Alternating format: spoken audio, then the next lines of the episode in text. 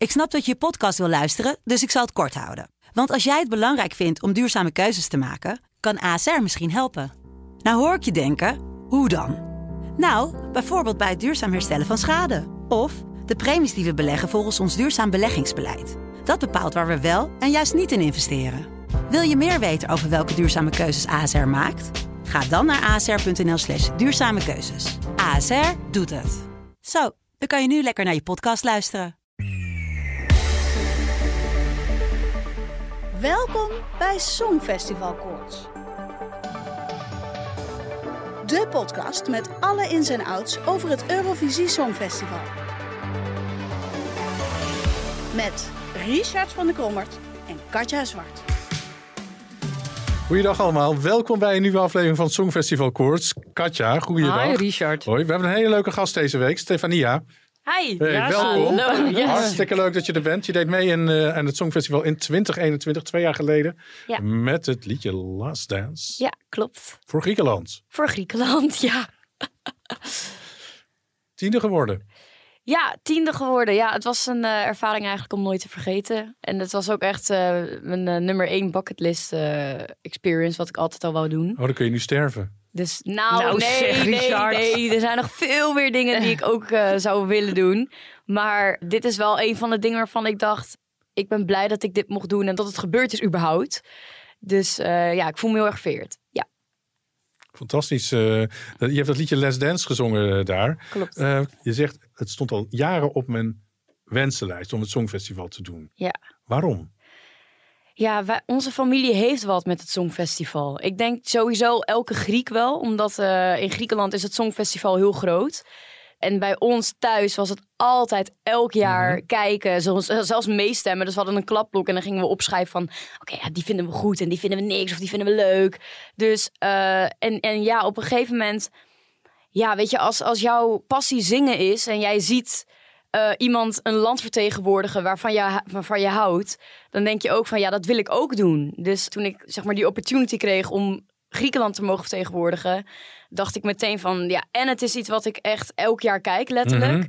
En het is iets wat ik leuk vind om te doen, zingen. En dan ook nog eens voor mijn vaderland. Dus ik vond alles ja, bij elkaar passen. Dus ik dacht ja, als ik nee zeg, ben ik dom. Maar, toch, maar toch gaan we eerst even terug naar 2016. Ja. Zeven jaar geleden. Ja, En Malta. ja dat was... toch, eh, Kisses? ja. Ja, dat was voor Nederland. Uh, Junior Songfestival met Kisses.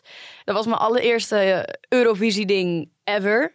Eh, en eh, ja, ik vond het heel erg leuk om te doen. Ik was natuurlijk wel heel jong. Dus ik moet ook eerlijk zeggen dat ik echt bijna niks meer weet. Omdat ik heel veel zenuwen had de gehele Ja. week lang. Dus eh, ik weet er niet zo heel, meer, heel veel meer van. Maar ik weet wel nog dat, ehm, dat het echt voelde alsof ik op het Eurovisie Songfestival Ja, toch wel al, ja. toch wel. Ja. Want jij bent een van de weinigen die allebei de... Nou, inmiddels wel meerdere mensen hebben het allebei meegemaakt. Eh, kun je het verschil duiden van de dimensie? Zeker, Nou, zeker. Nou, het Junior Songfestival is sowieso voor kinderen. Je wordt niet daar eh, elke dag van, eh van 8 uur s ochtends tot 12 uur s'nachts nachts aan het werk gezet. Want je bent een kind. Ja. Dat mag gewoon officieel niet. En je hebt meer plezier. Je denkt ook niet echt aan dat het een songfestival is. Dat is het bij de kids. En je schreeuwt gewoon letterlijk elke dag, want je hebt afterparties. Dus je schreeuwt en je stem is weg bij de finale. En bij het Eurovisie Songfestival, alles is serieus. Je bent echt keihard aan het werk. Je moet de discipline hebben om door te gaan elke dag. Eh, je stem moet goed zijn, dus je mag ook niet praten. Na eh, alle repetities moet je eigenlijk gewoon je mond houden. Het is gewoon echt van, ja, ga maar naar je kamer toe. Eet maar wat, kijk een film, maar ga niet praten. Doe het niet. En ik heb wel gemerkt dat bij het Eurovisie Songfestival ben je echt een jaar langer naartoe aan het werken. En bij Junior Song, volgens mij hadden we na drie weken wisten we al wat we wouden doen. En eh, ik zeg je eerlijk, bij het Songfestival wisten we op het podium zelf niet eens wat we deden. Want we wouden nog meer en nog meer. En we kwamen met nog meer ideeën. Dus we gaan het zo hebben over, over het eh, optreden op het Ja. Songfestival in Rotterdam. Katja, jij wilde ook wat zeggen net. Jij zei bij Grieken is Songfestival belangrijk, dat Ja. weet ik. Ga je dan ook thuis roepen naar de tv? Of Ja. applaudisseren? Ja. dat ken ik namelijk Ja. van thuis. dan is het afgelopen Ja. en dan zeg je, wow, ja lekker. Ja, ja, ja, precies. Ja, ja. Heerlijk. Ja. Ik had een puntje van herkenning. Nee. Ja. En dan dat, ehm, die wens om naar het Songfestival me- eh, mee te doen. Wat mij nog altijd bijstaat, waar echt gewoon, eh, waar ik erg van onder de indruk eh, ben, is dat jij Dimitris hebt aangesproken ooit. Dimitris. Ja. Ja, Dimitris. Wat fijn om een Griek ook hierbij te Ja, hebben. ja, ja. heerlijk. Ik ga alles corrigeren nu. Ja. Ja, nee, ik eh, sprak hem aan ooit, omdat ik wist dat hij een van de grootste producers was ja, in Griekenland. En ik was gewoon heel dom als ik niks zou zeggen. Dus dat dan, ja, dan, dan zou echt meteen mijn kans voorbij gaan in Griekenland. Want ik wou natuurlijk ook gewoon een carrière hebben in Griekenland. Dat leek me gewoon echt top. Eh, waar was je? Ik was bij de MAD Awards. Dat is eh, de grootste eh, muziek awards in Griekenland. Een soort MTV Awards. is Ja. dat. Hm, Oké, ja. Ja, en daar zag ik hem lopen en ik dacht, nou, weet je, ik ben hier neergezet omdat, eh, om een kans te krijgen in het, bij het Griekse publiek. Dus ik dacht van, ik, ik zie hem nu lopen. Hoe vet zou het zijn als ik een tweede kans ga pakken? Dus eh, nou, toen liep ik naar hem toe, toen zei ik wie ik was. Liet ik een paar covers zien en toen zei hij van, ik ben heel erg geïnteresseerd in jou. En toen eh, hebben we contact gehouden en daarna, ja, hebben we nummers gemaakt samen. hoe heb, dat- die man is echt. Ja, Dimitris uh, Kondopoulos Daar loop je het toch niet zomaar Ja. op af? Waarom niet? Waarom niet? Het is toch een mens? Ja, nee, ik loop daar gewoon echt op af voor. Ik, ook al zie ik bijvoorbeeld Justin Bieber lopen, ik loop er gewoon op af. Ik zeg gewoon hoi, samenwerking. Nee, het is, eh, nee kijk, op, op dat moment denk je ook niet na. Dan denk je alleen maar na van, je, je wilt gewoon je kans pakken. En dan doe je er alles aan. Dus ja. Even voor de luisteraars. We hebben het over Dimitris Kontopoulos, als ik het allemaal goed uitspreek. Ja, dat is in het Songfestivalwezen echt een hele grote componist. Ja. Ja. De ene na de andere hit. Hij heeft dus Last Dance geschreven voor eh, Stefania. Maar eh, bijvoorbeeld ook eh, Sergej Lazarev. Ja, Scream, maar ook eh, You Are The Only One. Ja. Ja, Ja, Hold Me voor eh, Azerbeidzjan in 2013. Ja. This Is Our Night voor Sakis. ja. Mhm. Eh, Work Your Magic voor Wit-Rusland. Kol- Koldun, ja. Dimitri Ja. Koldun, ja.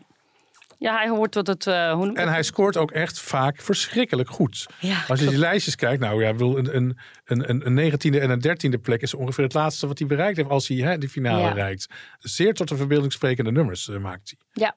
Ja, dus ik was heel blij dat hij, eh, dat hij echt zag aan mij dat ik echt alles ervoor zou willen doen.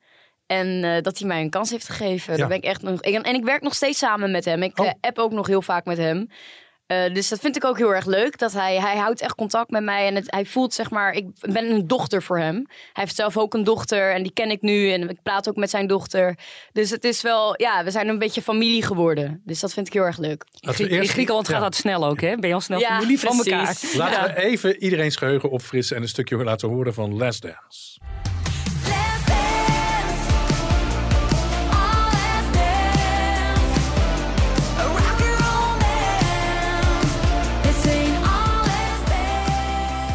Hey, betekent binnenkort nieuw werk van jou?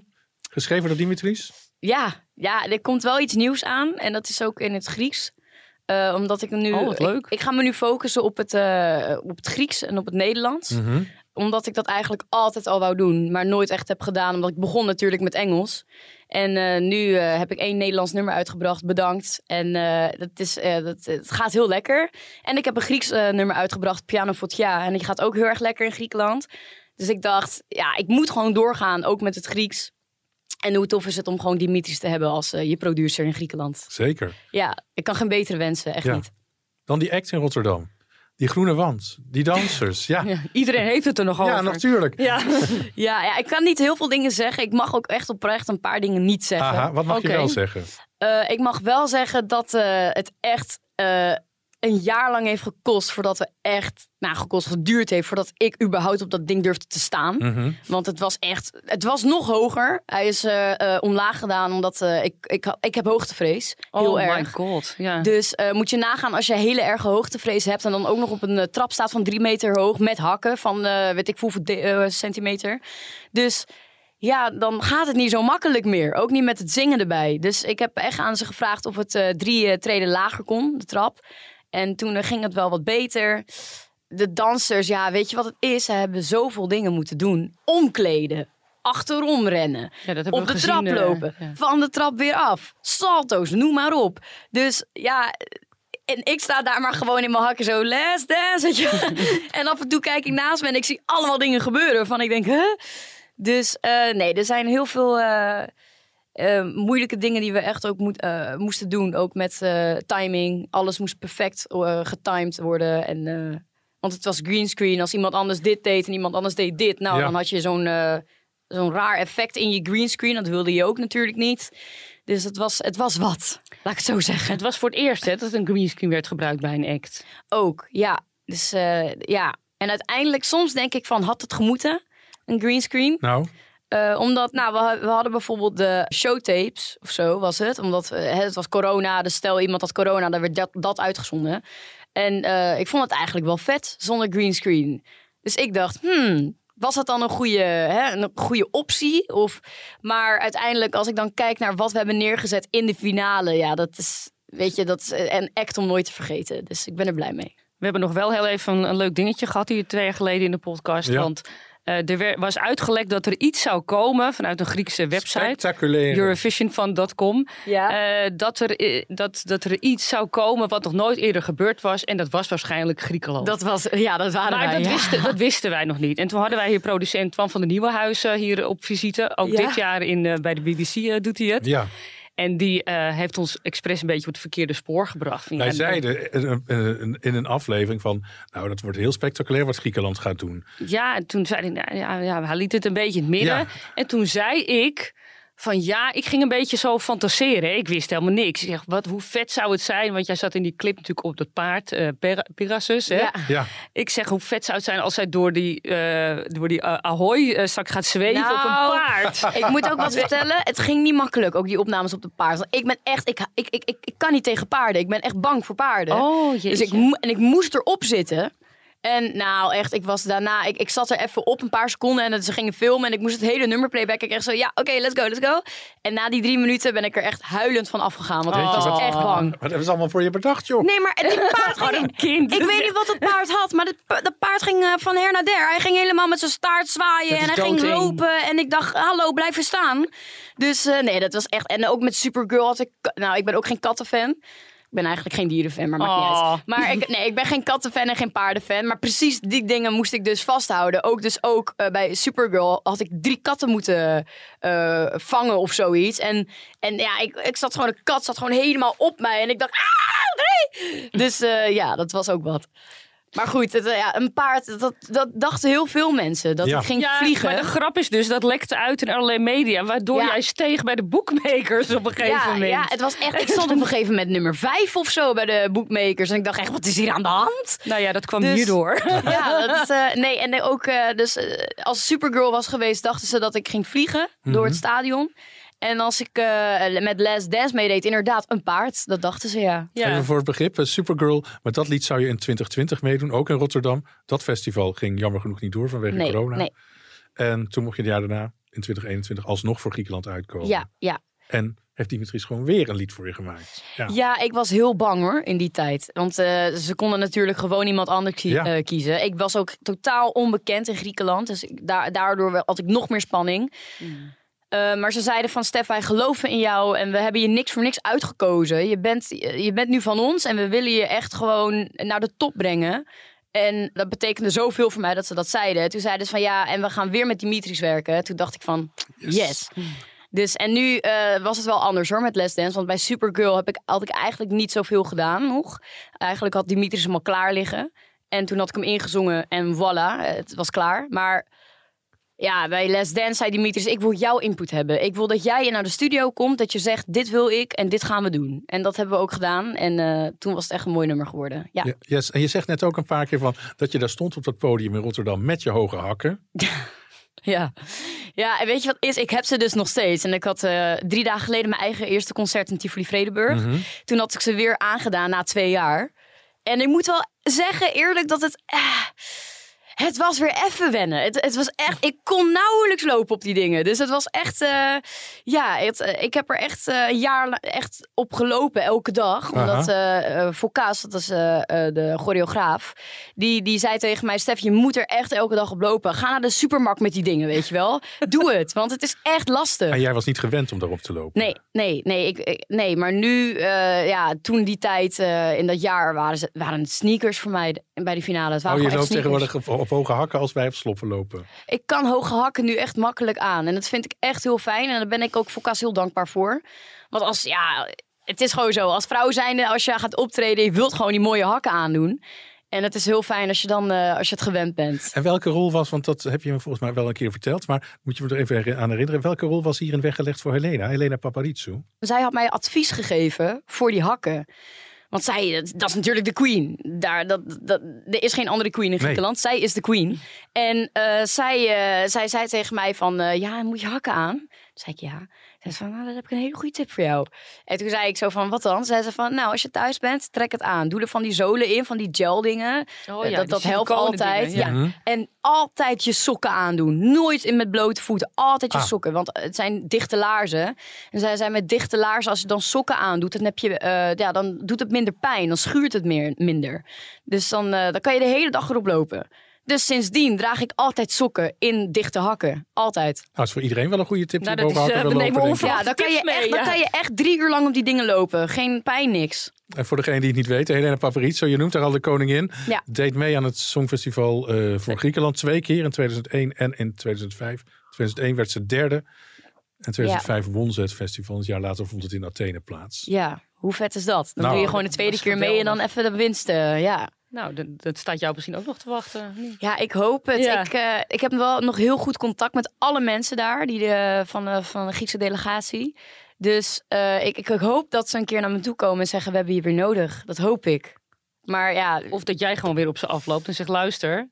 Ja dat, durf ik dus nu niet meer. Omdat joh, ik het, ik heb het nu wel. gedaan. Dus dan denk ik van ja, die gaan denken dat ik gek ben of zo. Ja. Van je wilt nog een keer. Maar Nee, ja, joh, ja. helemaal niet. Ik zou het echt geweldig vinden. En ook voor Nederland hoor. Als Nederland naar me toe komt en vraagt: zou je het willen doen? Tuurlijk. Ja, zeker. Maar Nederland moet je zelf eh, aan de slag, hè? Ja, klopt. Ja. Nederland is toch wel anders dan Griekenland. Ja. Ja. Ja, Wat, wat is er anders? Nou, in Griekenland word je gewoon uitgekozen. En in Nederland moet je echt zelf met een nummer komen en eh, zeggen van dit ben ik en dit heb ik qua nummer en eh, dit wil ik voor jullie doen. En dan pas gaan ze kijken van eh, of jij geschikt bent, ja of nee. Dus dat is wel anders dan in Griekenland. En het voelt ook anders, neem ik aan. Ik, wat, Ja, het voelt zeker wel. Als ik voor Nederland zou gaan, zal het wel anders voelen. Ja, toch? Omdat het is je, waar, het land waar je in woont. En ik ken heel veel mensen al bij de Afro-Tros. Dus dat is, voor mij is het gewoon alsof ik dan mijn Junior Songfestival ervaring herleef. Dat is ook weer familie dus. Dus ja, zeker. Dus dat is, dat is, voor mij zal het heel anders gaan dan bijvoorbeeld voor Steen of zo eh, was. Dus eh, ja, maar ja, ik, eh, ik vind Eurovisie zo leuk. Dus ja, dat is ook geweldig. maakt echt niet uit voor welk land. eh nee. komen zo bij je eh, terug. Ze solliciteert zo- ook naar andere landen nu, hoor je? Nee, nee, nee, nee, nee. Ja, ja, ja. kan allemaal, hè? Kan allemaal. Eerst even wat nieuws van afgelopen week. Ja, Israel Calling is geweest. De, de pre-party in Israël en Tel Aviv. Eh, Ja. dat is groots altijd. Hè? Altijd, ja. Ja, en het was uitgesmeerd. De- De Royal Loper was op een andere dag ook dan het concert zelf. Mhm.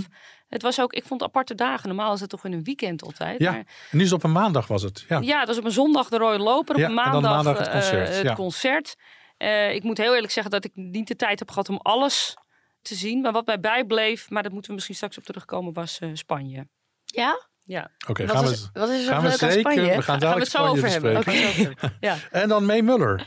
Die wordt ineens een linkse activist genoemd. omdat Geweldig, ze hè? kritische tweets heeft geschreven over voormalig premier Boris Johnson. May Muller eh, doet mee voor Engeland eh, Ja. eh, dit jaar. En die heeft in de coronatijd, dus dat is, vind ik altijd zo flauw, dat als iemand dan bekend wordt, dan ga je in zijn Twitter-geschiedenis zoeken om Ja. te kijken wat ze vijf Ja, jaar of geleden Instagram, ja, dat doen we. Ja. Dat vind ik zo flauw. In april 2020 heeft ze zich kritisch uitgelaten over Mhm. Boris Johnson toen hij in het ziekenhuis lag. Toen heeft ze iets in die trant geschreven. Nou, nou weet je ook eens hoe het voelt. En nou moet jij worden geholpen door die verpleegsters die jij geen loonsverhoging wil geven. Nou ja, dat was duidelijke taal. Eh, Ze heeft later ook iets, eh, iets anders gezegd. Dat hij maar weg moest, eh, dat hij geen premier meer moest zijn. Nou, dat is inmiddels ook niet meer Nee, maar goed, er was heel veel kritiek op hem. Ze was niet de enige in het land. En nu eh ging eh, wat conservatieve politici, die gingen onder andere Tory Lee Anderson, Mhm. die heeft de BBC bekritiseerd over de interne selectie. Ja, waarom ze een, een, een linkse eh, activiste naar het Songfestival sturen. Nou, is natuurlijk belachelijk. Je mag je daar een, ten eerste helemaal niet mee bemoeien. En ten tweede, het is iets wat zij buiten het Songfestival om heeft getweet. Dus hou je er buiten. Zij heeft gewoon recht op haar mening hierover. Toch? Dat heeft ze ook. Ja, dus eh, het is allemaal storm in een glas water. Is er nog meer nieuws? Eh, Engeland eh, gaat in tien verschillende steden in het openbaar het Eurovisie Songfestival Ja. vertonen. Nou, dat is echt geweldig natuurlijk. Dan, dan leeft het echt. Ja, in Italië vorig jaar als ze dat hadden gedaan, dan is het natuurlijk heerlijk weer in mei en dan is er niks aan de hand. Maar in Engeland vrees ik toch Ja, kan dat, we, dat die mensen straks allemaal in de regen gaan staan. Dus eh, ik hoop dat er maatregelen voor worden getroffen. Het podium zijn ze aan het opbouwen? Ja, In dat is begonnen. Het is begonnen. Het is echt, het komt nu echt dichterbij. Oh, lekker hè? Ja. En ook goed nieuws voor Zweden. ja, over het podium gesproken. Ja, over het podium gesproken. Die hebben een eh, indrukwekkende act. Nemen ze mee naar Liverpool. Ja, En er was wat discussie over. Gaat het nou wel lukken of niet lukken? Maar het gaat lukken. het gaat lukken. Ja. Ja, gaat het lukken? Ja, goed hè? Oh, yes. Oh, ben, ja, ben je opgelucht? Ja. Ja, wat fijn. Ja, ik vind haar optreden echt geweldig. Ja. Ja, is Ja. het ook. Ja. En een nummer ook. Dus eh, het zal me niet verbazen als ze weer met de winsten vandoor gaat. Nee, dat zal ons ook niet verbazen. Eh, verder lekte er een lijstje uit gisteren. Eh eh, Con-collega eh G.J. Kooijman Ja. van de Dingen Donkast. Een soort prijslijst. Die, die, eh, die twitterde een prijslijst van de special effects. Er is heel netjes het e-mailadres eh, weggelaten. Maar dit geeft wel wat openheid. Wat kost een windmachine namelijk? Ja, dat is niet zo heel erg duur, Oh. toch? Hè? Dat is niet zo heel erg duur. Dat is nog het goedkoopste van alles. 1720 eh, pond Ja, is dat. Maar als je er in de Big Five hoort, Aha, oh, dan krijg je korting, hè? dan krijg je korting. Dan is het 1380 pond. Jemig. Eh, zit je niet bij de Big Five en je haalt niet de finale, dan krijg je 690 pond terug. En je Ah. krijgt een refund. Nou, je moet Ik- weet wel, hè, dat ja, de laatste jaren was daar best wel vaak eh, discussie over. Dat bijvoorbeeld vuurwerk, dat kost echt een vermogen. Omdat eh, als je dat bij je eh, podiumact eh, Oh, wil invoeren. Ja, dat is niet normaal. Eh, de duurste is, even kijken, 28.000 eh, pond. Dat is 15 seconden eh Sparkful Wall. Is dat, eh, 15 15 seconden. ja. En dat is dan volgens mij dat er Waar zo'n regen naar beneden komt. ja, ja, zeg precies. maar. Waar Azerbeidzjan in 2011 mee heeft gewonnen. Bijvoorbeeld. Eh, voor de Big Five is er dan 22.000 nog wat. Hè. Die krijgen een beetje korting. En de refund is dan eh 11.000. Ja. Nou ja, dan hoop je ergens stiekem Maar ja, goed, dat je het effect is natuurlijk wel te gek, toch? Met zo'n Ja, het regen. is fantastisch. ja, Ja, eh, ja, van vuurwerk. Vind ik wel. maar ik hoor Ja. mensen ik, al twitteren. Wat kost een beetje wind zoveel? En kost, eh, maar ik denk, ja, je moet natuurlijk rekening houden met eh, veiligheidsmaatregelen. Vooral met vuurwerk. Ja, eh, brandgevaarlijkheid. eh, enorme apparaten die natuurlijk onderhoud eh, nodig hebben, et cetera. Dus ik kijk er niet heel erg van op. Maar ergens ook weer. Het is wel heel sappig om dit allemaal te weten. leuk. Ja, ik vind het toch Ik wel hou niet van cijfers, maar nu ineens wel. Ja. We gaan vier, eh, vier inzendingen bespreken. Elke week doen we dat in Songfestival Koorts. Voordat we gaan beginnen, kijk ik eerst eventjes naar de boekmakers. Doen we kijken al, eh, altijd. Daar is niet heel erg veel in veranderd. Dat wil zeggen, de top 5 is nog steeds de top 5 zoals die vorige week ook was. 1 Zweden, 2 Finland, 3 Oekraïne, 4 Noorwegen en op 5 Spanje. Dan kijk ik ook altijd even naar Nederland en België. Nederland kroop vorige week al even omhoog van een 19e naar een 17e plek. Ah. En kruipt verder omhoog naar een 15e plek op dit Oh, moment. lekker. Dus, Er is hoop, eh, er is hoop. Yes, er is zeker hoop. En België blijft op een 31ste plek. Staan. We kijken ook even speciaal voor deze week naar Cyprus, 25ste plek. Die begint wat te stijgen. En Griekenland blijft vooralsnog hangen op een 29ste plek. Jeetje. Dat betekent geen finale voor Griekenland. En dat is Dat niet weet je nog voor. helemaal niet. Als die boekjes gelijk hebben. We nou, moeten- dat was eh, vier jaar geleden toch? Dat ze ook niet de finale met, met die ene, oh, met die vrouw met, een, met die krulletjes. Die vrouw met die krulletjes. Die, die Grieksong. Oh, Jana Terzi. Ja, die Ja, ja, ja, ja, precies, ja, die. ja. Ja, Die die- was niet ook door naar de finale. Nee, klopt. Klopt. Het was in Portugal. Dat was in 2018. Ja. Maar dat was volledig terecht, toch?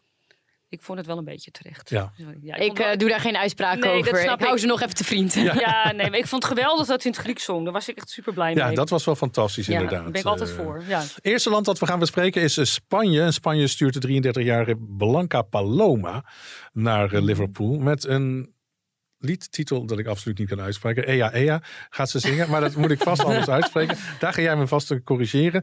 Vorig jaar deed ze ook al een poging om eh, Spanje te vertegenwoordigen op de nationale finale. Toen eh, vijfde. En ik moet eerlijk zeggen, Spanje is op de goede weg. Benidorm Fest, dat is de nieuwe Ja. eh, nationale voorronde.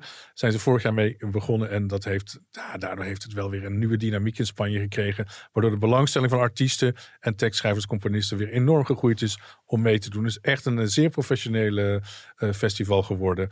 Eh, echt goed. Bij de laatste tien edities wist Spanje slechts drie keer in de top 20 te belanden. En dat is niet zo sterk voor een land dat echt automatisch elk jaar in die finale staat. Ja. Maar dat gaat wel veranderen. Sinds vorig jaar is daar verandering Vorig jaar werden ze derde. En misschien Ja. dit jaar ook. Laten we Vorig even... jaar echt. Ja? Vorig jaar was gewoon de beste ever. Gewoon echt, ik, ik, geen woorden voor. Performance, die meid die, die ziet er sowieso geweldig uit. Vocals waren goed, dansers waren perfect. De sfeer was in één keer boom aan Ja, ja. wanneer zij opkwam. Ja, e- eens. Ze hoefde niet eens eh, iets te zeggen en iedereen ging helemaal los. Dus zij, zij was vorig jaar gewoon de leider, zeg maar. De leidster van gewoon Eurovisie. Dus ik vind haar echt geweldig. Ja, ik ben fan van Chanel. Ja, echt, terecht. echt fan. Echt fan. Terecht. Terecht. Nou, ze werd ook derde. Dus eh, Ja. als je haar, haar optreden in Turijn vergelijkt met dat op het Benidorm Fest. Daar heeft ze nog zoveel aan eh Ja, verbeterd. het, was daar al, Ja. het was daar al duidelijk. Vooral met, maar. eh, met, met die uithaal die ze opeens gewoon deed bij eh, de finale. En daarna met, met zo'n zo'n waaier die ze bij zich Ja. had. En oh, wat een queen. Ja, zij is echt geweldig. Ik ben echt fan. Ja, echt zeer. Ja. Laten we een stukje luisteren naar de inzending van dit jaar. Ja.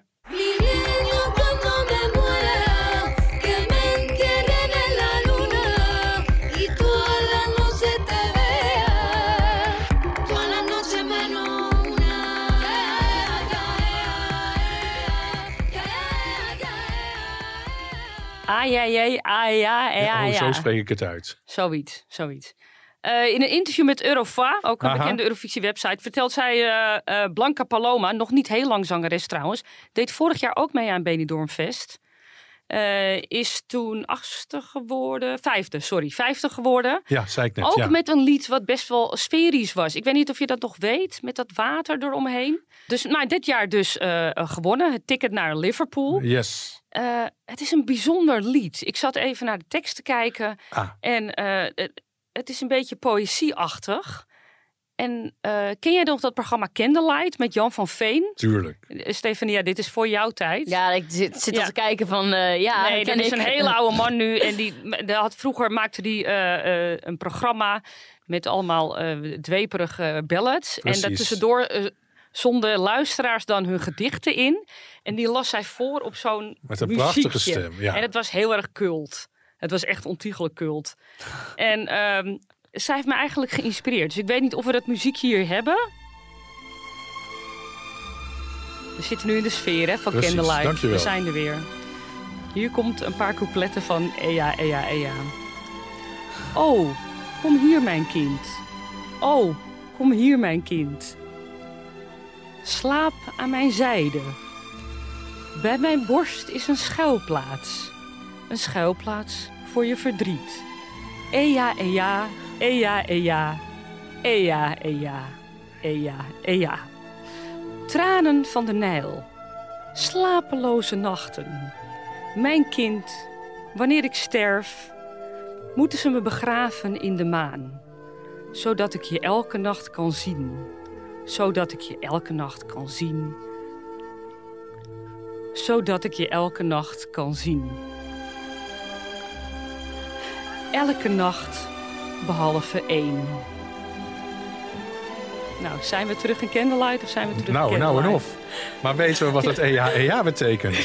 Het is toch gewoon een uitroep? Dat Oh, is het is emotie. gewoon een uitroep. Dat moet ik je nog uitleggen. Ja, dankjewel. Nee, maar goed. We, gingen, we gaan even terug in de jaren 70, 80, eh, eh, zoiets. Maar dit gevoel kreeg ik toen ik die tekst las. Eh, zij vertelt dus in een interview met Eurofois dat haar oma uit Sevilla de inspiratie is voor dit lied. Mhm. Het is een slaaplied, maar niet precies om in te slapen, maar om je gevoelens te laten ontwaken. Ah. Eh, de act zag er ook heel strak uit. Nogal, hè? ja. Heel erg Spaans eh, beïnvloed met dat eh, flamengo.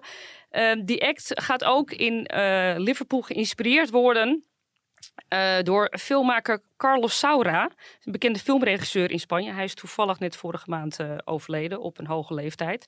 En hij staat bekend op zijn dansfilms, vooral over de flamengo, de tango en ook over de fado. Portugese muziekstijl heeft hij, een, heeft hij eh, films gemaakt. En als je naar die films kijkt, of op YouTube even kijkt, dan zie je dat hele, ja, heel Spaans, maar ook heel strak. En eh, ja, het ziet er heel tof uit, dus dat belooft wat. Ik heb haar dus in, op Israel Calling eh, gezien Ja. op YouTube. Ja, er gebeurt wat in die zaal als zij optreedt. Ja, maar dat zag je al tijdens Benidorm Fest. Tijdens de nationale finale in Spanje. Ja, maar dat is dan dat is anders. Dan ben je thuis en dan Ja. heb je een thuispubliek. En dit is toch spannender. En eh, zij pakt het publiek wel in. En ik zeg topper. Ja, ik heb ook het optreden eh, op Benidorm Fest gezien. Niet op Israel Calling. Maar ik moet, ik moet eerlijk zeggen dat ik de- dat als ik het liedje voorbij hoor komen op Spotify. dan denk ik van, nou, het is toch een beetje moeilijk, eh, een beetje ontoegankelijk, onafvolgbaar zelfs. Ik wil het net niet uitzetten, denk ik. Maar live, nou, je wordt daarin gezogen in dat optreden. Eigenlijk het is hetzelfde gevoel als vorig jaar bij Chanel. Je kunt je ogen niet van het scherm afhouden. En dan dat etnische, dat, dat, die etnische muziek erachter. Nou, ik denk echt, eh, ja, dit imponeert absoluut. Spanje zou echt heel erg hoog kunnen scoren. Absolute topperformer en misschien zelfs wel een winnaar. En Zo. een winnaar? Een ja? winnaar. Nou ja, kijk, eh, de Spanjes laatste overwinning. Het wordt ook eens tijd, hè? Het is 54 jaar geleden inmiddels. Zo.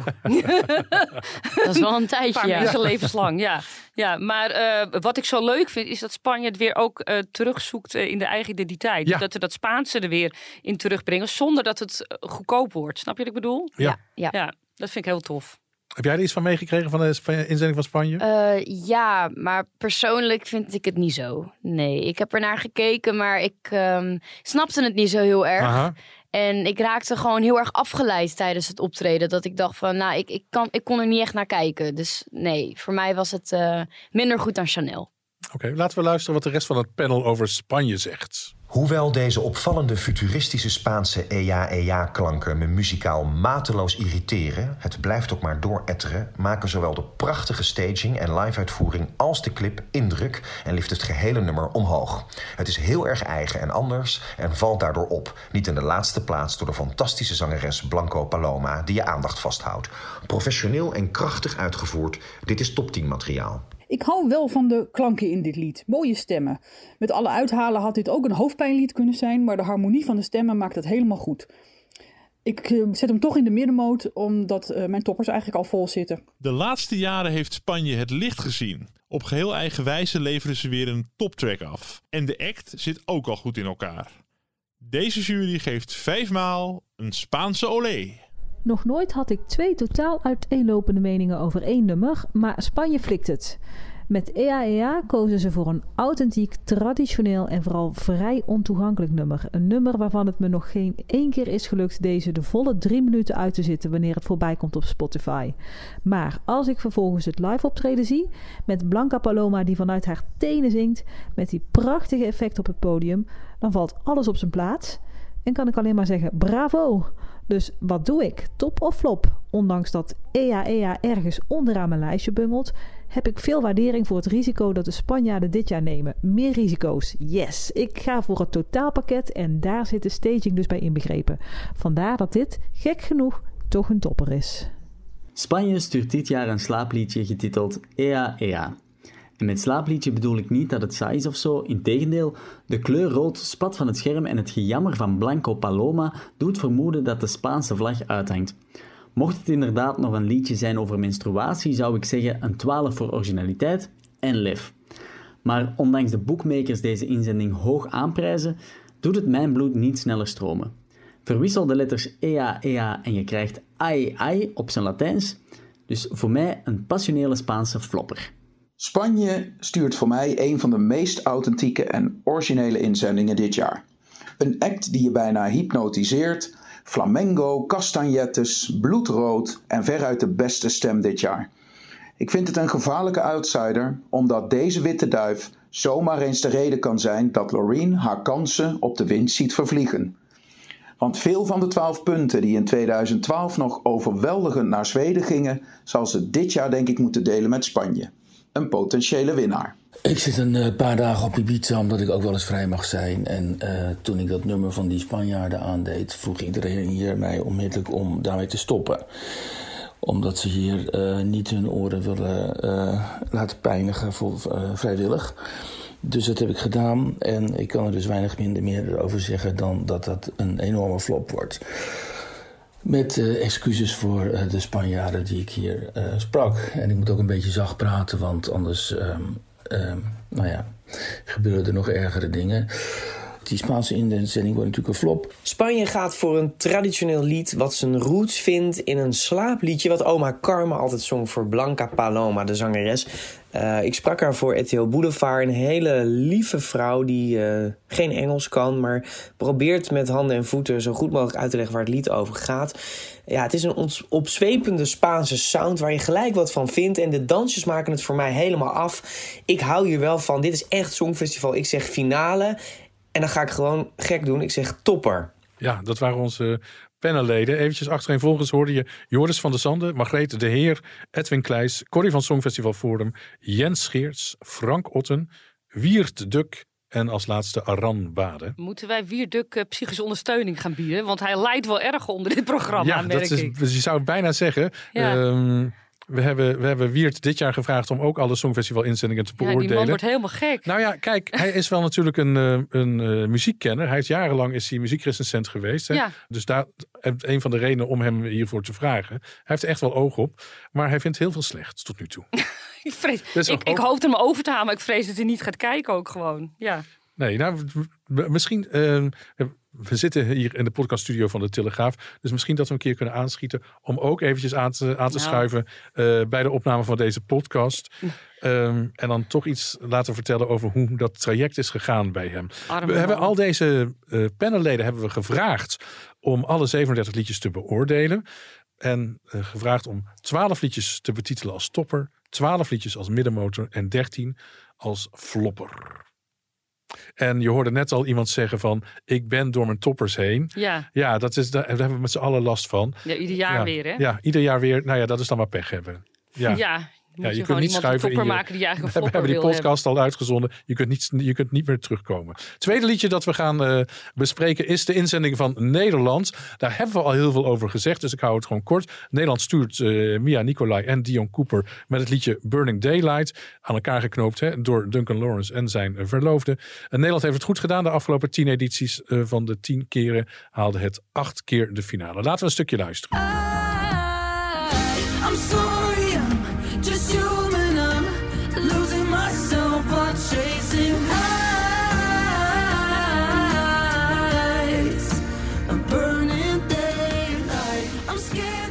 We hebben inderdaad alles al gezegd, maar we hebben nog niet gezegd dat er van de week een postcard is opgenomen. Ja. Leuk. En waar is die opgenomen? Nou, in de stad waar Katja Zwart woont. Verdorie, en ik wist van niks. Ah. Ik dacht dat ik gek werd, joh. Ik zat dus even op Twitter zo te kijken. En ik denk, dat ken ik. Dat is gewoon het centrum van Zaandam waar ik bijna dagelijks voorbij loop. En die liepen daar een beetje te rolschaatsen met z'n tweeën. Ik denk, nou ja, dat is op zijn minst grappig te noemen. Zeker. Toch? Ja. Ja, dat wordt steeds bekender. We hebben zo'n wanstaltig hotel in, eh, in Zaandam. Nou, dat is toch wel een interessant gebouw. Ja, architectonisch gezien is het Ja. interessant. Maar het is net Disneyland eh, als je, als je er dichtbij kijkt. Het zijn allemaal Zaanse huisjes op elkaar gestapeld. En eh, heel veel toeristen komen daar tegenwoordig foto's van maken. En blijkbaar ook postcards. In datzelfde hotel eh, verbleven de gasten van Eurovision in Concert in 2010. Ah. Het hotel was toen net een paar maanden open. Dus eh, er zit meer Eurovisie-connectie eh, op die plek. Zeg maar, is toch leuk als je er vandaan komt, toch? Ja, zeker. zeker. En, toen, en toen werd het Eurovision Concert ook ergens in de buurt van In Zaandam werd het ook gehouden, ja. precies. Ja, dat was helemaal apart. Ergens Ja, in een nogal. Achterafzaaltje. hele- ik moest ver fietsen. Heb je het gefietst toen? Ja. Ach, ja, oké, dat vind ik dan weer zielig. Maar wat vind je van Ja. het lied? Het lied, nou ja, ik heb al allemaal gezegd wat ik ervan vind. Precies, maar nu krijg je je kans om het een keer allemaal achter elkaar te zetten. Eén minuut. Ehm Eén minuut. Nou, ik kan dat in veel korter. Eh, Oh, ik wil dat het is niet goed. Nee, nee, sorry, dat is niet goed. Ik ben heel hard. Ik, eh, ik wens ze de wereld natuurlijk. En ik wens Nederland de wereld. Net zoals dat ik Griekenland en Cyprus dat wens. Maar ehm, ja, ik wil het ook gewoon eerlijk eh, kunnen zijn. Nou. En het klinkt allemaal mooi. En zal ik het nog maar inpakken? Ik, het- ik krijg het niet over mijn hart om er een flopper van te maken. Dus ik maak er een middenmotor van. Maar Want eigenlijk vind je de flopper. Nou ja, nee, kwalitatief op hun stemmen af niet. En ik kan het gewoon niet een flopper maken. Mhm. Ik Echt? maak- Vind je het echt niet goed? Ik vind het niet heel goed, nee. nee. Ik vind het geweldig. Oh, kijk, wat, Ja. we houden van verschillende meningen in dit Ik programma. vind eh, Nederland dit jaar top. En Ja? waarom? Omdat met Jean-Gu hebben we echt eh, geen geluk gehad. En terwijl Jean-Gu ook een goed nummer had hoor. Maar het was wel niet echt typisch voor Eu- Eurovisie. Eh, ondanks dat hij een geweldige show heeft neergezet. Maar ik vind dit nummer, ja, ik, ik vind hem geweldig. Het begint lekker rustig. Het heeft echt een betekenis. Het is een duet. En ik zei nog voordat het bekend werd, het nummer van... Ik hoop dat het een, een ballad is. Ik hoop dat ze samen gaan zingen over echt in betekenis. En dat er echt iets naar boven komt waar mensen van denken... Wow, dit is hè, een beetje een soort van Waylon eh, Ilse de Lange-achtig, weet je wel. Dus ik dacht van... Het, het, het- ik hoopte dat, dat het zou worden. En nu hoorde ik eh, laatst het liedje en ik was verslaafd. Dus ja, ik vind het geweldig. persoonlijk. Draait Maar vaak? Ja hoor, Ja? ik vind het echt leuk. Dus ik vind, ik vind het ook leuk dat het weer twee onbekende mensen zijn. Weet je, eh, mensen krijgen gewoon hun kans in Nederland. Gewoon onbekende mensen. En hoe geweldig is dat? Dus eh, ja, ik ben alleen maar positief. Dus ik vind, het, ik vind het ook naar dat ze nog niet eens in de top 10 staan. Want dat verdienen ze echt wel voor, voor mij. Ja, ik vind het superleuk. Mij maakt het niet uit of het bekende of onbekende zijn. En eh, dat is prima. We hebben gezien wat er met Duncan is gebeurd. Dat is, Ja, ja. Je hoeft helemaal niet bekend te zijn. Dat is inderdaad de regelrechte onzin. Misschien dat mij ook wat meer tegenstaat, is dat die hele PR-machine eromheen. Door al dat uitleggen, dat hebben we hier uitgebreid besproken namelijk. Van dit liedje gaat daarover en het wordt dat. En het wordt geweldig en fantastisch. En dan zit je verwachting ergens hier. En dan, dan denk je, nou, nu komt er wat. En dat viel mij dan toch wat tegen. Dus En- het is ook de PR-machine waar ik. eh, ik- het gaat, ja, moet gewoon om het lied gaan. Voor jou is het een middenmotor, hè? Ja. Dus wel finale waardig. Ja, nou ja, tuurlijk. Je hoopt toch gewoon dat Nederland doorgaat. Laten we eerlijk zijn. Maar, eh, maar... Ja, je hoort, ja, jij prikt overal doorheen. Kijk, de Griekse kant ziet alles natuurlijk. Ja, nee, ik, ja, ik vind het niet goed genoeg. Nee. Richard, wat vind jij? Nou, Zo mooi echt- hoe meningen zo verschillen. Ik vind het echt een hele Ja. krachtige ballad met een schitterende opbouw. En ik hou van die stemmen van die twee. Ja. Ik vind het echt schitterend. En, eh, en eh, Mia Nicolai, die het dus na eh, Dion oppikt, die, die zit meteen in de wedstrijd. Ja, ik vind hun stemmen echt een mooie mix. En ik vind het een fijn nummer. Misschien een beetje zwaar op de hand. Nee, en dat is ik niet moet ook erg. eerlijk zeggen, dat is ook niet erg. En het heeft bij mij ook een paar, eerlijk is eerlijk, een paar luisterbeurten nodig gehad. Want ik kon het niet meteen plaatsen. Maar ik dacht wel, ook bij die eerste, na die eerste luisterbeurt. Ik was daarbij hè, toen het gepresenteerd werd in Rotterdam. Dacht ik van ja, maar dit moet gewoon de finale halen. Het is gewoon echt eh, goed. Het voelt ergens wel ook, hè? Een beetje, beetje op veilig gespeeld. Maar ik vind het echt prima. Echt een, Ja. eh, en ik vind ook eigenlijk dat het gewoon boven Zweden moet kunnen eindigen.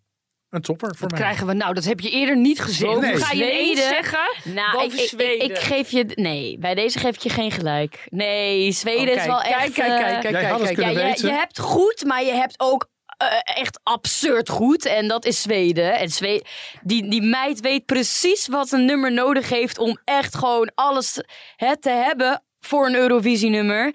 Dus nee, dat, daar ben ik het echt mee oneens. Oh, nee. ik vind het heerlijk dat jij nu op je top, plek... dat top ik niet- 10, top 10, prima. Yes. Maar nee, niet, eh, niet nummer 1. Nee. Nee, Kom nee, niet nou, aan Laurie, nou, hoor je oh, dat? Kijk, eh, maar ja, nee, ik heb alleen maar gezegd, het moet boven Zweden kunnen Nee, eindigen. ook niet. Nee. En dat nee. staat ook in het draaiboek. Je had het kunnen weten. Ja, maar dan zou ik echt raar kijken naar de mensen hoor. Want dan denk ik, ja, maar dan gaat er iets niet hier niet goed. Zweden eh, onder Nederland.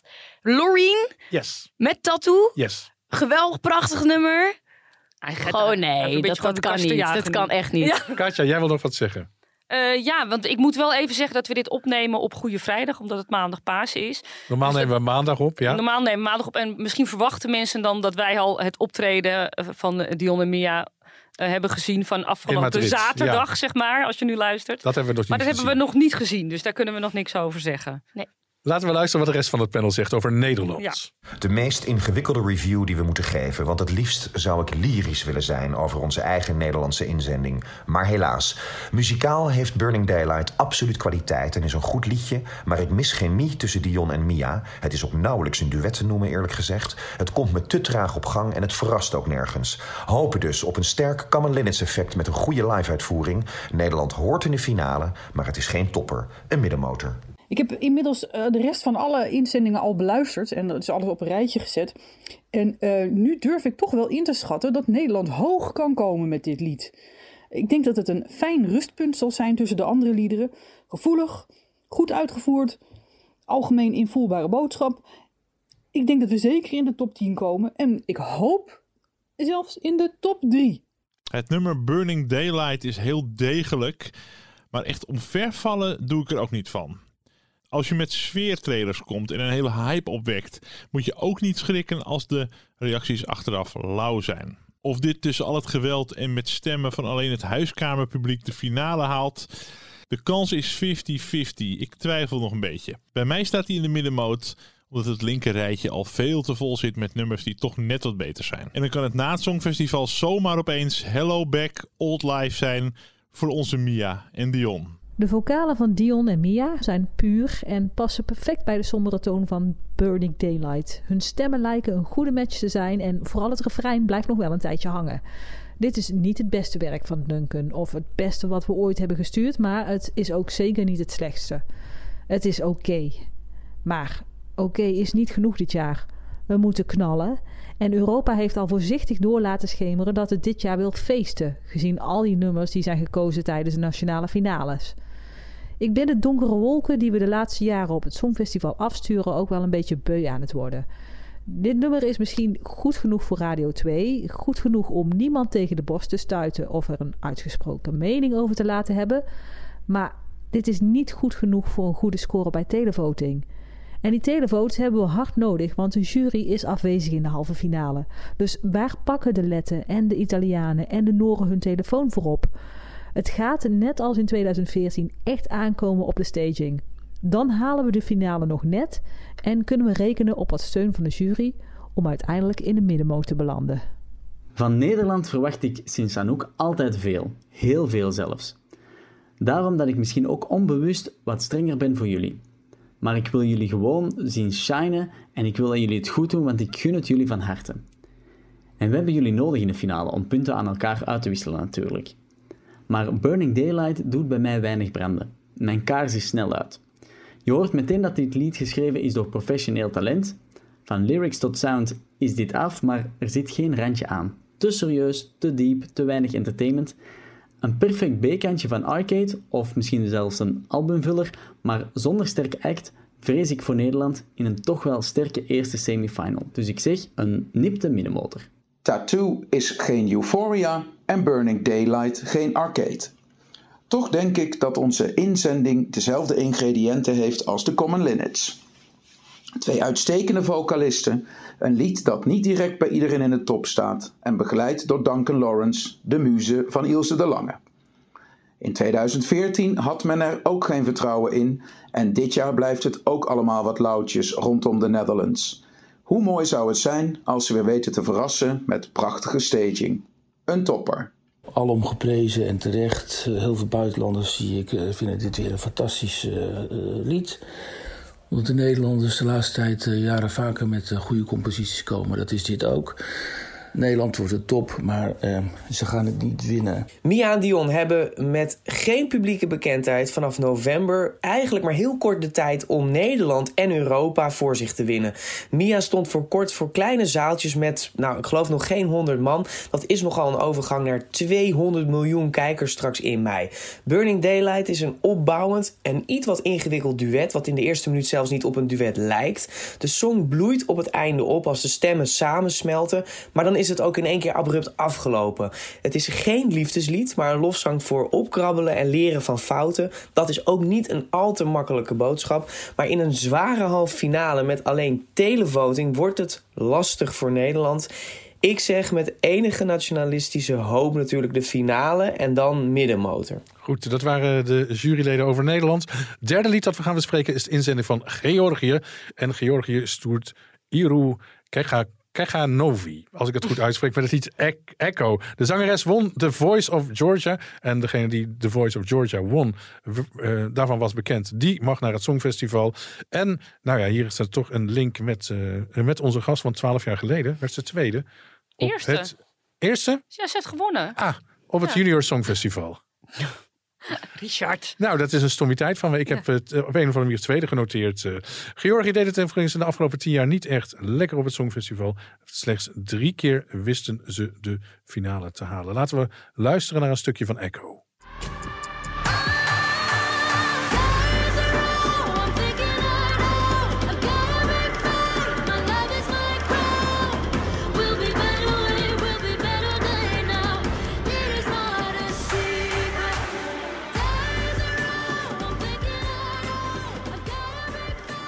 Nou, ook voor Georgië geldt dat we nog niet weten hoe het op het podium eruit kan zien. Ik heb de- in ieder geval de zangeres dit nummer nog niet eh, zien zingen. Ja, alleen de video. Israel Calling heeft ze wel gezongen. Ah, dat weet Ja. jij, heb jij misschien gezien. Ik heb het alleen met de videoclip gedaan. Indrukwekkend ziet hij eruit. Eerlijk is eerlijk. Liedje is een beetje Ray of Light hè, van Madonna. En, Ray of eh, Light? ja, ik vind het daar een beetje op lijken. Kom je daar als weer dit, bij? En ik denk als, als dit goed op het podium gebracht wordt, zoals in die videoclip, dan gaat het echt punten pakken. En er zit zelfs een top 10 notering erin voor Georgië. Wat mij betreft een topper. Ben ik gek of Nee, nee, zeg het, zeg het. Je- Alles kan je Ja, nu ik zeggen. vind dit ook persoonlijk weer niet zo leuk. Ah. Maar eh, de- dan heb ik dus waarschijnlijk een hele andere smaak. Nou, maar dat is prima. Dat, dat, dat is wat het Songfestival zo leuk maakt. Dat je met z'n allen lekker losgaat met die meningen. ja, op maar dit, maar dit is dus nu al hoog in de bookmakers al. Maar dit is het eerste Nee, stukje wat je hoort. Of Dit, dit is echt zo'n typisch nummer dat ik naar het toilet ga tijdens de show. Ja, Ja? het spijt me heel erg. Ik wil niet te hard zijn, want ik, eh, want ik eh, wil niet eh, overkomen als een of andere Nee hoor, nee, dit stom is kind. gewoon- Maar ja, ik vind het ik persoonlijk echt... Dit vind ik nog erger dan wat we hier... Niet, niet? Nederland, maar daarvoor van Spanje. Ja, ik vind het nog... nog ik moet denken aan een scène van Harry Potter met Voldemort. Die, Ah. eh, die, eh, die zo aan het doen is. En dat dat heel duister... eh, ja, ik weet het niet. Ik vind het niet zo. Nou, enigszins duister is het misschien ook wel. Ja, ik zie sowieso dat ze weer gaat zingen en dan vuur, de, de- vuur sowieso rood. Dat, ik zie rood voor Aha. me, ik zie vuur voor me. Dat ze, dat ze misschien met blote voeten op het podium staat. Een beetje die kant op. Oh, jij gaat ook eh, staging bedenken. Ja, ja, Dat ja. Ja, maar dat zit er, met jou ja, hier, maar ik voel dat. Zeg maar, als, ik hem, als ik het hoor, dan Ja? denk ik, ja, dat wordt eh, gescheurde kleding, blote voeten Ja. en vuur. Tribal-achtig zo. Ja, zoiets. Dat, is- dat, is ook Zo'n feeling heb ik als ik er naar luister, dat dat het gaat worden. Oké. Irma eh Ketchanov. Nee, Ketchanov. Oh, wat erg. Ik moet gewoon mijn bril opzetten. Ik zet mijn bril hier even op. Ik word ook ouder. Ah, Ketchanovi, ja. Ketchanovi, ja, dat is het. eh, won op haar elfde met de groep eh, Candy. Ja. En het lied heette Candy Music. En zij wonnen toen voor Georgië het Eurovisie Ah, Songfestival. Ja, eh, eerder heeft ze ook meegedaan aan Georgian Idol. De Idols versie hè, van Georgië. En inderdaad, wat je al eerder zei, ze won de Voice. Het was een van de liedjes die pas veel later uitkwam, hè? Ja, een van de allerlaatste die bekend Ja, werd dus dan heb je al heel veel gehoord en dan moet je ook nog daarna luisteren. Dus ik moest gisteren ook nog een paar keer luisteren. Maar die clip is zo strak. Nogal, ja. Jeetje, Mina. En ik, eh, volgens mij ben ik meer onder de indruk van de clip dan van het lied. Wat eigenlijk niet hoort natuurlijk op, op Nee. een songfestival. Nee. nee, nee. Songfestival. Je kijkt me heel streng aan ook nu. Ja, songfestival inderdaad. Maar live klinkt zij ook heel goed. En er is iets mee met dit. Ik vind het toch een soort eigenzinnigheid hebben of zoiets. Georgië, die kwamen in 2007 volgens mij voor het eerst Ja, meedoen. Toen hadden ze ook zo'n heel eigenzinnig nummer. Mhm. Wat mij een beetje aan Björk deed denken toen. En ik vond het heel leuk dat ze dat zo hadden. En dit, heb, dit gevoel heb ik nu weer bij Georgië. Dat ze ja, niet van die rare alternatieve groepjes sturen. Want dan is het meestal niks. Zo vorig jaar was het ook zo'n eh, zo'n aparte Ja, act. maar wat toch was dat leuk. heel veel humor Wat vond was het hebben vorig jaar ook alweer? Ja, zo'n van die mensen die anoniem wilden blijven. ook. Ja, zo'n soort variété-act stuurden ze. Wel leuk. Het ja. was heel veel Oh. humor in ieder geval. Ja, het was echt wel leuk. En ze namen ook die interviews helemaal niet serieus. Dat vind ik op zich ook wel heel grappig. maar dit is dan weer dat, dat eigenzinnige waar ik Georgië van ken. En Mhm. daar wil ik ze eigenlijk wel voor belonen. Ik weet niet, soms heb je gewoon een gevoel en dan wil ik het een topper geven. Nou, dat Terwijl ik ik het eigenlijk niet Echt? Maar Ja, oh, de broek zakt hier vanaf. Nou, oh, ja. echt. Ja, Ja, het spijt me heel erg, maar er wordt nee, het hoef je tegenwoordig... niet te spijten. Er wordt tegenwoordig zoveel aandacht gegeven aan de act. Het heet Songfestival, jongens. Eurovision Song Contest. Het gaat om het nummer. Het gaat om hoe breng jij een nummer over aan het publiek. En ik vind het dan echt dat ik denk van... Er wordt zoveel aandacht gegeven aan, aan de act. Wat ook belangrijk is Ja, het is natuurlijk. Daar niet van. Het is kom, ja. belangrijk. Maar vroeger had je geen videoclip. Vroeger Stefan- hoorde Stefan- je Stefania, gewoon... hoe oud ben jij? Hoe oud ben jij? Twintig, ik heb het 20. meegemaakt. Je ik heb het meegemaakt. Dat maakt Maar niet uit. Maar vroeger, ook bij, ook bij met This Is Our Night. Niemand keek naar die videoclip. Iedereen ging gewoon het nummer luisteren. En toen hadden ze al een feeling. Toen was het al van, oh ja, dit nummer is vet. En dat mis ik toch nu wel tegenwoordig. Want iedereen kijkt naar de videoclip van, oh ja, leuk. Maar die videoclip is misschien totaal anders dan wat op het podium komt. Dus je weet niet wat er gebeurt. Nee, maar dat weten we ook niet. Dus, dat Dus is, ja, dus dan denk ik van waarom luisteren mensen niet meer zo echt into het nummertje? Waarom, waarom gaat iedereen alleen maar naar de videoclip kijken? Dat, dat, dat denk ik dan. Ik bedoel, wij hadden dat ook met Last Dance. Ik bedoel, mijn videoclip was totaal anders dan mijn optreden Ja. zelf. Expres, omdat wij wouden dat mensen aandacht gaven aan het nummer. Dus Nee, je hebt natuurlijk wel gelijk, maar dat is ook het. Lekkere hiervan... En ik ben een oude ziel, hè? Even dat we er Oh, dat is het. Ik, ben, ik, ben- ik heb een broer van 32 en een zus van eh, 29, dus ik ben een oude ziel. Maar nee, maar ja, snappen jullie wat ik bedoel? Ja, ik snap heel goed wat je bedoelt. Maar wat, wij zijn van origine gewoon heel erg Eurovisie-fans. En wij vinden het Nou. heerlijk, al 10.000 jaar, om te speculeren. Gewoon, oh ja, dit, dat. En het nog leuker is als je verrast wordt, inderdaad. En die zegt, oh wauw, dit is eigenlijk geweldig. Of oh wauw, dat Georgië, Stefanie had gelijk en het is gewoon niks. Want Ja. uiteindelijk gaat het om dat optreden in die drie minuten. Daarom. En daar kan je tien keer vuurwerk bij gooien. Maar als de Ja. artiest er niks van bakt, nee. dan bak je er niks Kijk, van. bij Maar sommigen heb je een beeld. Ik bedoel ook bij, eh, bij eh, oh, wat was het nou? Welk land hadden we nou net? Waarvan eh, en Spanje. Ja. Daar heb je al een optreden van. Maar als je alleen een videoclip hebt, bijvoorbeeld ook, ja, weet ik veel wat. Het kan echt totaal anders zijn. Bijvoorbeeld Soldi van eh Mahmoud. Dat Ja. is ook een totaal andere videoclip dan wat hij, wat hij op het podium deed. Ik vind dat gewoon dat mensen echt gewoon echt naar de song moeten luisteren. En als ik dan naar deze song luister, dan denk ik, mm, met een goede staging, oké. Zonder goede staging, nee. dit- We gaan luisteren wat de rest van het panel erover denkt, over Georgië. Een enorm twijfelgeval, deze Georgische bombastische echoput. Het lied zit goed in elkaar en dwingt daarmee een bepaalde kwaliteit af, maar het spreekt me gewoonweg niet aan. De videoclip is prachtig, maar de song is met te veel van hetzelfde. En met de moordende concurrentie deze editie moeten er nu eenmaal harde keuzes worden gemaakt. Waarschijnlijk haalt dit de finale, maar mij pakt het niet. Helaas niet finale waardig. Oef, dit lied heeft geen opbouw, geen intro, meteen lawaai. Iets in de pitch van de stem van de zangeres veroorzaakt meteen hoofdpijn bij mij. Op zich kan ik de drums wel waarderen en een paar overgangen in het lied, maar wil ik het nog vaker horen? Nee, flopper.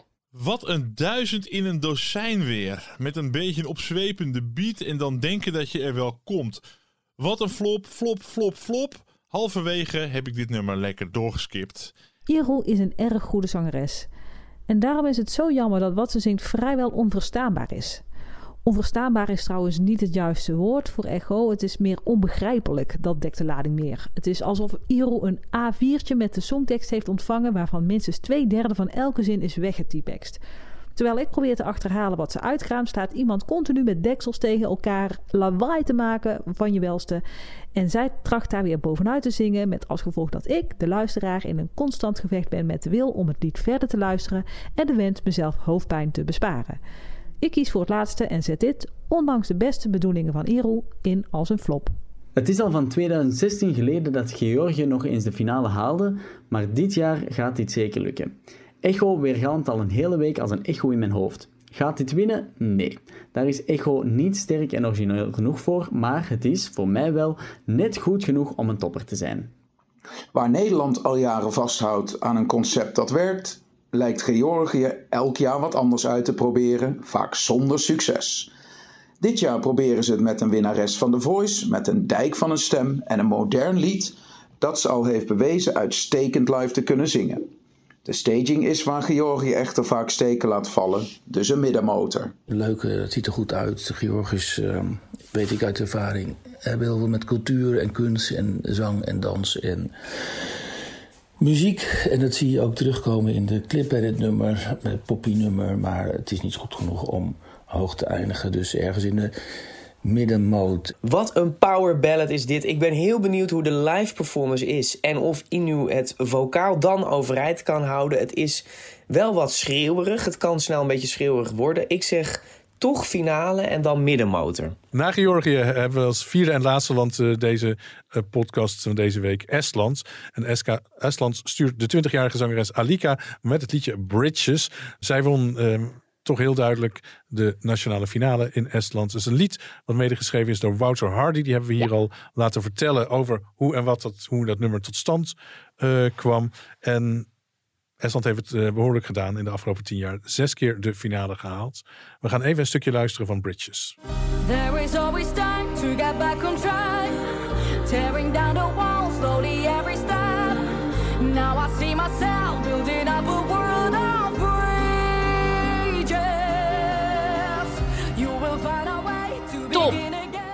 Oh, zo. Top! Ja? Prachtig. Ja? Ja, die, ook haar performance is goed. Een piano die zelf speelt, zag ik. Eh, haar stem is echt geweldig. Eh meisje ziet, ziet er leuk uit. Ook belangrijk tegenwoordig blijkbaar. Dat er iemand er goed uitziet. En natuurlijk Wouter. Die, ja, Wouter vind ik sowieso echt eh, gewoon niet normaal goed. Wij ook. Die weet ook wat... eh, dat is gewoon de Nederlandse Dimitris eigenlijk, Wouter. Ja. Nee, de En, Nederlandse eh, Dimitri. Ja, serieus. Zeker als hij zo doorgaat. En ja, en eh, ja, ik, vind hem echt, ik vind het echt een topnummer. Dit is voor mij echt top 5 of top 3 materiaal. Nou, ik ben het eh, behoorlijk met je eens, moet ik zeggen. Het is een enorm filmisch nummer. Echt heel sterk. Ik hou van dat pianowerk. Mooie stem van die zangeres. Goede opbouwende bridge in het lied. Nou, mag echt heel hoog eindigen. En bij mij, ik heb hem ook als topper neergezet. Ja. Ja. Nou, dit wordt heel saai. Want ik ben het hier gewoon mee eens. Het is natuurlijk... Oh. eh, ja, dit, dit, je hoort Wouter Hardy erin terug, hè? Die sfeer. Weet je, Mhm. dat melancholische. Ook trouwens eh, Nina Sappermans, ook wel bekend Ja. als eh, Ravel, moet ik zeggen, geloof ik. Belgische eh, songwriter. schreef ook Tout l'univers mee voor John Teers. En heeft met Alex Caillé eerder de nummers voor Hoeverphonic geschreven. Ja. Het hoor je er ook allemaal in terug, hè? Ja, dit is gewoon een heel fijn optreden. Goede zangeres.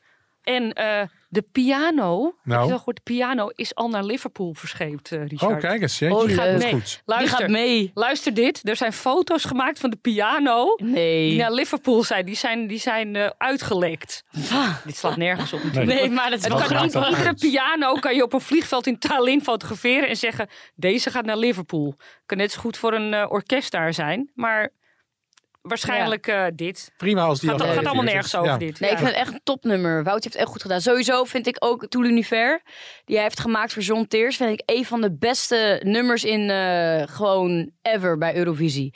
Omdat het, het zit zo goed in elkaar. En het is eh, Frans, dat is ook eh, mooie taal natuurlijk voor Eurovisie. Dus ik, het, het verbaasde me niet. Toen ik zag Wouter Hardy, dacht ik, oh ja, hoor ik wel.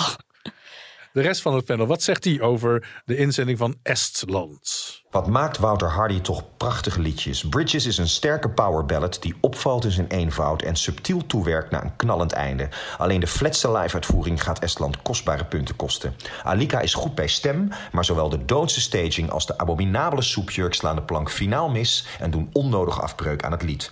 Eeuwig zonde, want hierdoor valt Estland net uit mijn lijst met toppers. Dan maar de hoogste van alle middenmotors, maar finale gegarandeerd. Een gevoelige ballad met piano en violen en een zangeres met een dijk van een stem.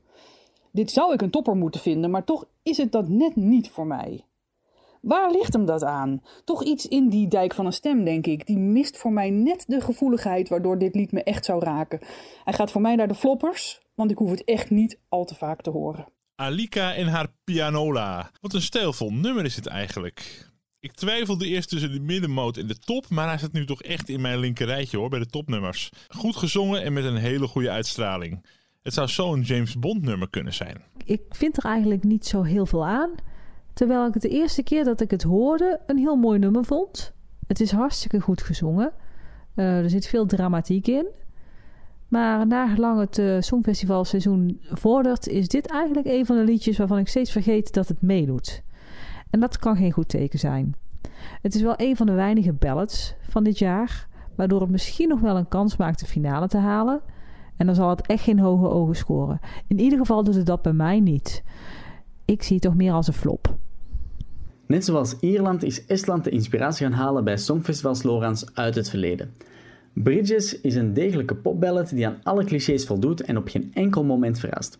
In de jaren 90 of zelfs in de trashjaren 2000 zou de bridge in dit nummer mij nog geprikkeld kunnen hebben. Helaas is het voor 2023 een brug te ver. Estland gaat hiermee de bietenbrug op. Een flopper. Wordt Wouter Hardy de nieuwe Ralph Siegel van het Songfestival? Na Arcade en Tout l'Univers probeert hij het dit keer wederom met een ballade genaamd Bridges. De liefhebbers van de klassieke vrouwelijke Eurovisieballade hebben dit jaar niet veel keuze, dus het zal vast de finale halen, maar erg spannend wordt het niet en ik vrees dat de zangeres in aanmerking zou komen voor de Barbara Dex Award als die nog zou bestaan. Niet finale waardig. Van een mevrouw aan een piano. Allemaal leuk en aardig. Best goed gezongen trouwens. Goede zangeres. Maar maakt ook geen kans om te winnen. Dus ook ergens ehm middenmoot. Ja, Wouter Hardy flikt het weer. Hij heeft de eer om voor Estland dit jaar een nummer te produceren. Eh, je hoort dat hij luistert naar het verhaal van in dit geval zangeres Alika. Dat vind ik de kracht van Wouter. Hij heeft ook een sound wat filmisch aanvoelt. het is onder andere natuurlijk te horen in Arcade, maar ook Tout l'Univers van Zwitserland. En ik ben zelf fan van het pianogedeelte en de uithaal op het eind. Ik denk dat het heel mooi kan worden. Ik zeg finale waardig en dan topper. Ja, dankjewel aan alle panelleden alweer. En dan staat hier midden op tafel staat een grabbelton. Onze gast eh, mag grabbelen in de grabbelton. Oké, let's go. De Grabbelton. Briefje mag je aan de technicus geven. Alsjeblieft.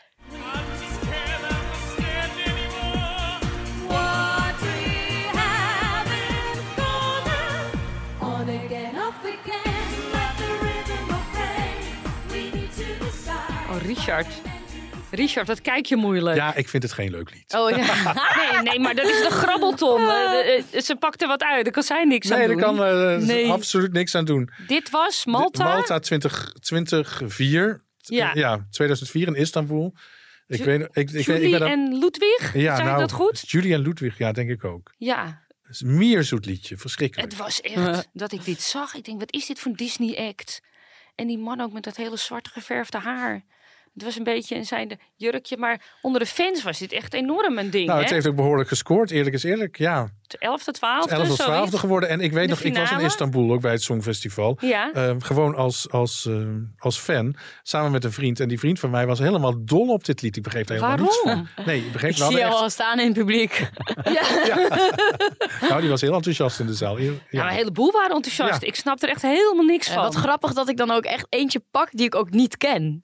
Nee. Dat vind ik dan alweer grappig. 2004. Dat is wel lang 2004. geleden. Ja, hè? toen was ik twee. Dus Ja. dat, Ja. eh, ik heb er niet veel van mee kunnen krijgen. 2004 is wel het jaar, eh, als we toch met de Griekse connectie bezig zijn, dat Sakis Rouas meedeed met Shake It. Ja, die Ja, kent ze wel. Natuurlijk. Ja, natuurlijk ken ik die. Maar dat is omdat wij hadden een cd van 2004. Ja. En eh, eh, van gewoon de gehele show. ja. En eh, nou, toen ik zes was en vijf, keek ik dat natuurlijk gewoon terug. Gewoon op zo'n dvd, cd, weet ik veel wat het is. Ja. Dus, eh, en eh, nou, ik was helemaal fan. En eh, ja, dus daarom weet ik het. Ik denk dat als ik dat niet had heb gehad, dat ik, eh, dat ik niet zo echt eh, fan van zakjes zou zijn. Maar je bent wel goed opgevoed, hoor ik. Ja. Eh, Euro- en, echt, wij zijn echt Eurovisie gek. ja, Dus, helemaal goed, ja. helemaal goed. Ja, dat herken ik. Heb mijn moeder ook met mij gedaan. Ja, dat betekent Ja. dat je... Dat, ja, Helemaal goed. Ja.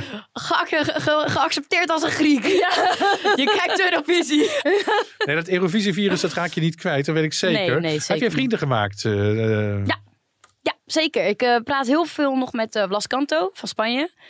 Eh, en John Teers praat ik ook heel veel nog mee. Laatst was ik trouwens in Zwitserland. Toen wouden we meeten, maar hij had een optreden. En wel, ja, toen kon het niet. Maar we hebben wel echt gepraat. En ik praat ook nog met Elena van Cyprus. Ja. En natuurlijk met Jean Gu. Die zie ik ook heel vaak voorbij komen voor opnames en zo. Dus ik heb echt wel vrienden gemaakt. ja, dat hoor je van heel veel deelnemers. Dus eh, ja, maar ik, ik, niet iedereen. Ik spreek eigenlijk bijna nauwelijks iemand meer, behalve dus eh Blas Canto en zo. Maar voor de rest, ja, heb ik echt wel contact nog. Vrijdag 14 eh, april ga je weer nieuwe vrienden maken. Dan sta je in de Melkweg. Ja, klopt. En ik hoop zo erg dat Mahmoud er is. Dat hoop ik heel dat erg. heb ik toch voor mij in, die studie Mag moeten-. Maar wie ja, weet, dat denk het niet. Wie weet hoort hij ook. dit. maar en... ik hoop het. nee, ik, eh, ja, dan sta ik er weer. Dus ik hoop dan allemaal leuke mensen te ontmoeten. En natuurlijk om een paar eh, oude collega's tussen haakjes eh, terug te zien. Ik, vind, ik ben er echt eh, excited over. Ik vind het echt heel leuk. Hey, en je hebt net je eerste concert gehad. Ja, kun je nog even kort vertellen hoe dat was? Ja, dat was eh, fenomenaal. Dat was niet normaal. Dat was eh, echt een, weer een droom dat uitkwam. Want ja, het eigen concert, dat, dat wil je natuurlijk als artiest. En uitverkocht ook nog eens. Dus dat vond ik ook heel vet. Ja, het was eh, een dag om nooit te vergeten. Ik kwam van het podium af toen het was afgelopen. En meteen alle tranen van geluk kwamen eruit. Oh. En ik ben nauwelijks trots op mezelf. Want alles kan beter. Ja. En eh, ik ben heel perfectionistisch. Dus ook bij Eurovisie, ook bij een finale dacht ik... Stef, dat kon je beter doen. Maar eh, net zoals bij Eurovisie was ik eh, bij mijn eigen concert wel echt trots. Dat ik echt dacht van, heb ik even lekker kunnen doen. Hoe vaak zing jij Last Dance nog? Zo vaak dat, eh, dat ik kan het nu dromen. Het is echt... ik denk dat ik nog nooit een nummer zo vaak heb gezongen. Nee. En Supergirl? Nou, dat, Supergirl is natuurlijk wel minder. Omdat ik natuurlijk ook minder repetities had met Supergirl. Eh, maar ook wel heel vaak. Maar wel minder dan Les Dance. Les Dance is echt eh, hier qua hoe vaak ik het Ja. moet zingen. De mannen van de Roop ga je onder andere ontmoeten in de Melkweg. Oh ja, maar ja, die, ja die, ken, die ken ik natuurlijk. Die ken ik natuurlijk. Ja. Uiteraard ken je die. Ja. ja, en ik heb ook vrienden gemaakt met. eh, oh, hoe heet die nou ook alweer? Dat, ik was echt fan eh, van eh, We Are the Heroes of Our Time. Oh, Hans leuk. Zelmerleu. Hij is leuk. Ja, ik was echt, echt een super attente man. Heel erg leuk. En, was dat eh, in november bij dat eh, ja, Eurovisie, bij dat eh, Euro- ja. en daar heb ik ook. eh, oh, wat erg dat ik die namen niet meer weet. Nu al niet. Alexander, Al- Alexander met de. Ja. Eh, dat was echt. Dat is nog steeds mijn nummer één qua artiest bij Eurovisie. Dus eh, om al die mensen te ontmoeten, dat is gewoon leuk. Dus om ze terug te zien is nog leuker natuurlijk. Oké, vrijdagavond 14 april in de Melkweg. Jij gaat weer een leuk avontuur Hey, tegemoet. ja. Een dag later, 15 april in de AVAS Live Eurovision in Concert. Met 28, misschien wel 29 deelnemers van dit jaar. Nou, ik denk dat we over de 30 gaan. ja, misschien dat, eh, dat zelfs wel. Dan gaan we elkaar zien. Nog Vertel. één kleine rectificatie. Eh, we zijn door een luisteraar terug, teruggefloten. Eh, Griekenland en Cyprus zitten niet in dezelfde halve finale eh, dit jaar. Dat riepen jij namelijk vorige week. Dat is niet waar. Nee, dat hebben we er op tijd uitgeknipt. Hebben we dat eruit geknipt? Zeker. Volgens mij niet. Jawel. Oh, nou, dan, heb, dan, dan kan dit er ook weer uitgeknipt. Ja. Mensen, dankjewel voor het luisteren. Stefania, bedankt voor het komen Dankjewel, dankjewel. naar de eh, studio hier op de Basisweg in Amsterdam. Dankjewel voor de uitnodiging. Wij zijn er volgende week weer met een nieuwe gast. Ja. Dan gaan we het hebben over Eurovision en Concert onder andere. En weer vier nieuwe inzendingen bespreken voor dit jaar. Dankjewel voor het luisteren. Tot volgende keer. Hoi. Doei.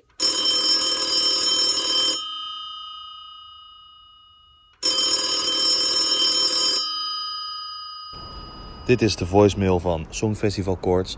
Wij zitten op dit moment midden in een opname, dus wij kunnen niet opnemen. Deze voicemail wordt ook niet afgeluisterd, tenzij je Dolly Bellefleur bent. Ik zit hier aan mijn paasontbijtje en denk, is het echt voor Queen Loreen dit jaar een eitje? Gaat ze, zoals de boekmakers al weken voorspellen, met grote overmacht het Eurovisie Songfestival voor de tweede keer winnen? Of gaat Polen ons verbazen en blijken de hazen toch anders te lopen? Terwijl Mannelief een eitje serveert waarop hij met viltstift een tekening heeft getatoeëerd, zie ik foto's gemaakt in het centrum van Songfestival gaststad Liverpool. Hierop zijn zeven gigantische grote pisanka-eieren te zien. Eivormige sculpturen beschilderd door kinderen die zich lieten inspireren door de manier waarop in Oekraïne volgens een oude traditie eieren worden versierd. Een mooi eerbetoon aan het land dat vorig jaar het Songfestival won en dat nu al zo lang wordt geteisterd door een oorlog. Zou er iemand zijn die daar dit jaar toch nog Pasen viert? Zouden er te midden van al het puin toch nog pisanka-eieren worden beschilderd? Het ei is bijna overal ter wereld symbool van nieuw beginnend leven. Het teken ook van verandering, van ei naar kuiken en van de opstanding, door de schaal heen breken. En is dus een uitgelezen symbool voor Pasen. Het ei symboliseert de kiem van hoop op een nieuw leven. Iets waarnaar ze in Oekraïne ook zo snakken. Mijn fantasie slaat op hol en ik zie een Eurovisie-versie van The Passion door Kiev trekken. Jean-Gu Macroy speelt natuurlijk Jezus, die Rutte Tjakot als Maria vleugeltjes geeft door haar de vrede te geven waarnaar ze zo verlangt in haar lied. Blij als een ei doet Rut een chicken dance à. Maar de vreugde is van korte duur met I don't believe in God anymore. Boort Mia Nicolai alle hoop in de grond. Maar de Zweedse Carola weigert als Maria Magdalena bij de pakken neer te gaan zitten en zingt Jezus aan het kruis uiteindelijk toe dat hij invincible is. Ten slotte doet Abba ook nog een duit in het zakje. My, my, at Golgotha, King Jesus didn't surrender. Oh yeah.